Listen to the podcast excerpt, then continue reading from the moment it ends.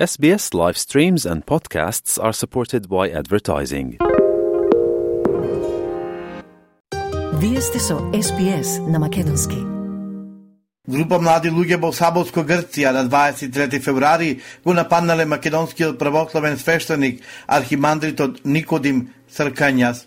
Нападот се случил додека се движел со својот автомобил. Ова го објавија од обидетата македонска диаспора со седиште во Вашингтон, која сподели фотографии од оштетеното возило, што го управувал 80 годишниот свештеник. Во видео изјава на социјалните мрежи, Саркњас го потврди настанот и вели физички повреди немал, но многу се исплашил зашто литата удирале со клоци и со тупаници по возилото. 21 век още прават акциденти, нейни луѓе граци, как пред 10 дена и нешто, ма нападна, ми ја нападнаа колата, ми скршија стакнуте, со намера и мен да ма нападнат. Ама ма изчува Господ, и денес сам здрав и жив, ако здрава, како ја заклучи колата и за тоа, тоа ми, ми, ми спаси. До сега никој од македонската влада не го осуди нападот, ниту пак јавно проговори за инцидентот, но јавноста реагира дека ваквите инциденти треба да се запрат. И професорката Ана Павловска Данева прашува зошто македонскиот министер за надворешни работи не замина веднаш по инцидентот во Грција, така како што направи по случајот со Пендикоп. Обединетата македонска диаспора бара грчката влада да стави крај на овие неоправдани напади врз малцинските групи во Грција. Истовремено со повеки до македонските власти да воспостават политика на нулта толеранција за малтретирањето на македонските малцинства и нивните основни човекови права во соседните земји во светот. Демократскиот сојуз останува на својот стап во врска со уставните измени, односно за внесувањето на бугарите во уставот на земјата, да се побара реципроцитет со признавање на правата на македонците во Бугарија, изјави пратеникот и преседател на партијата Павле Трајанов. Поред него сега има шанса судот во Бугарија да го регистрира културниот дом на македонците Никола Вапцаров во Благоевград, кој беше распуштено со одлука на локалната администрација. Цитирам, Тоа била добра основа да се променат работите, или едноставно председател на државата Румен Радев да даде изјава дека ги признава македонците како посебен народ, автентичен и така натака. Тоа би било промена, би настанал историски престат во односите меѓу Бугарија и Македонија, смета Трајанов. Поред него, доколку имало поголем консензус околу така наречениот француски предлог, одредени работи може да се сменат. Цитирам, еве меѓу другото, тоа го разговара при со представници на ЕУ, бараб да стои како што е во преговарачката рамка за Албанија, македонскиот јазик да биде службен, официјален, после приемот на Македонија во ЕУ. И за тоа не обезбедивме консензус. Сето ова што зборувавме таму дека стоело, Таму стои дека преводот на сите документи ќе се врши на македонски јазик, но со право Бугарија или Македонија да дадат посебна изјава, така што и тоа не е решено, вели Трајанов и продолжува. Не сакам сега да ја пролонгирам расправата околу тоа, зошто не е вграден македонскиот јазик во преговарачката рамка, затоа што некој барал таму да има двојазичност, а за тоа немало консензус во рамките на ЕУ, изјави Трајанов за медиумите. По престрелката во старата Скопска чаршија во која беа застрелани три лица, при што две од нив ги изгубија животите, а еден е пуштен на домашно лекување. Медиумите јува дека станува збор за лица познати на полицијата.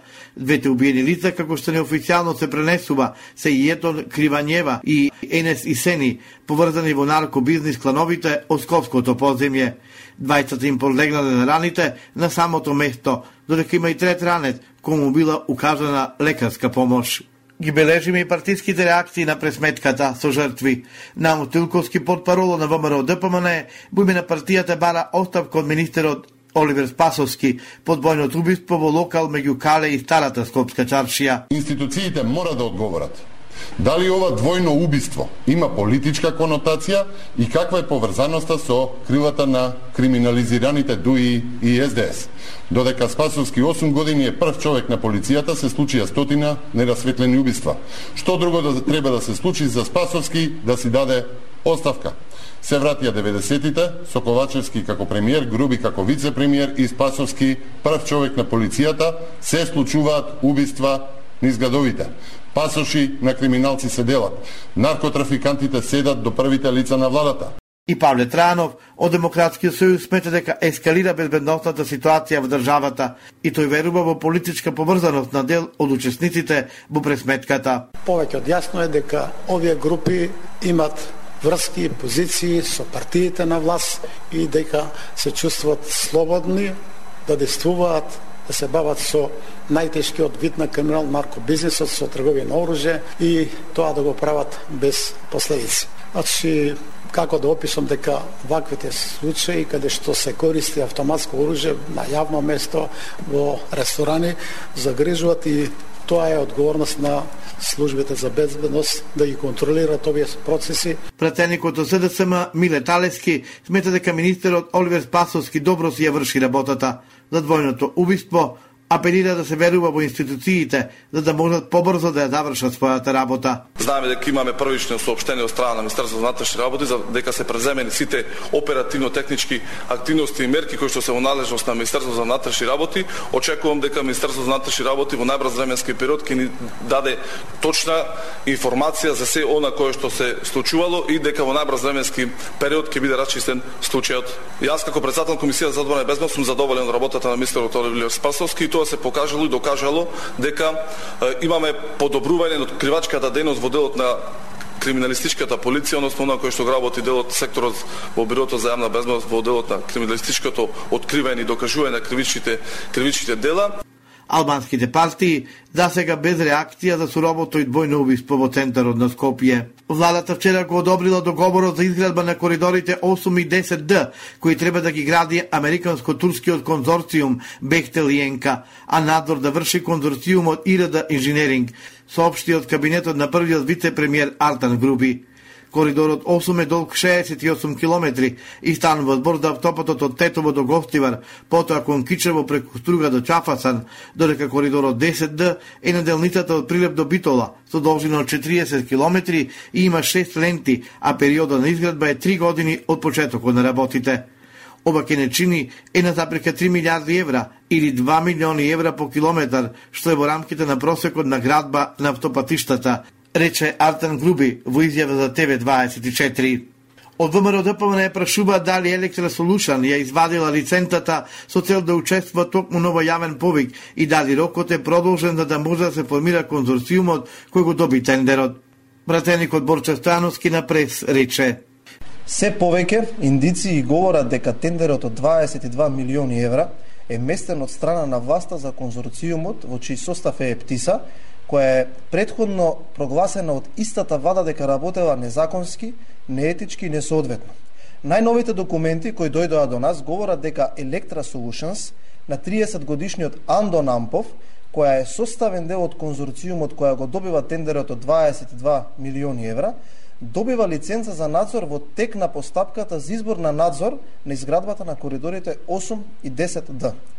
Вчера на почетокот на владината седница на покана на премиерот Димитар Ковачевски се обрати амбасадорката на кралството Шведска Ами Ларсон Джейн, која пред представниците на владата направи оспрт на приоритетите и актуалностите на шведското председателство со Советот на Европската Унија и нината на Западен Балкан е во Европската Унија, порача шведската амбасадорка Ами Ларсон Джейн и потенцираше дека шведското председателство е сериозно посветено на овој процес, за кој што, како што рече, геополитичката ситуација донесе нова итност.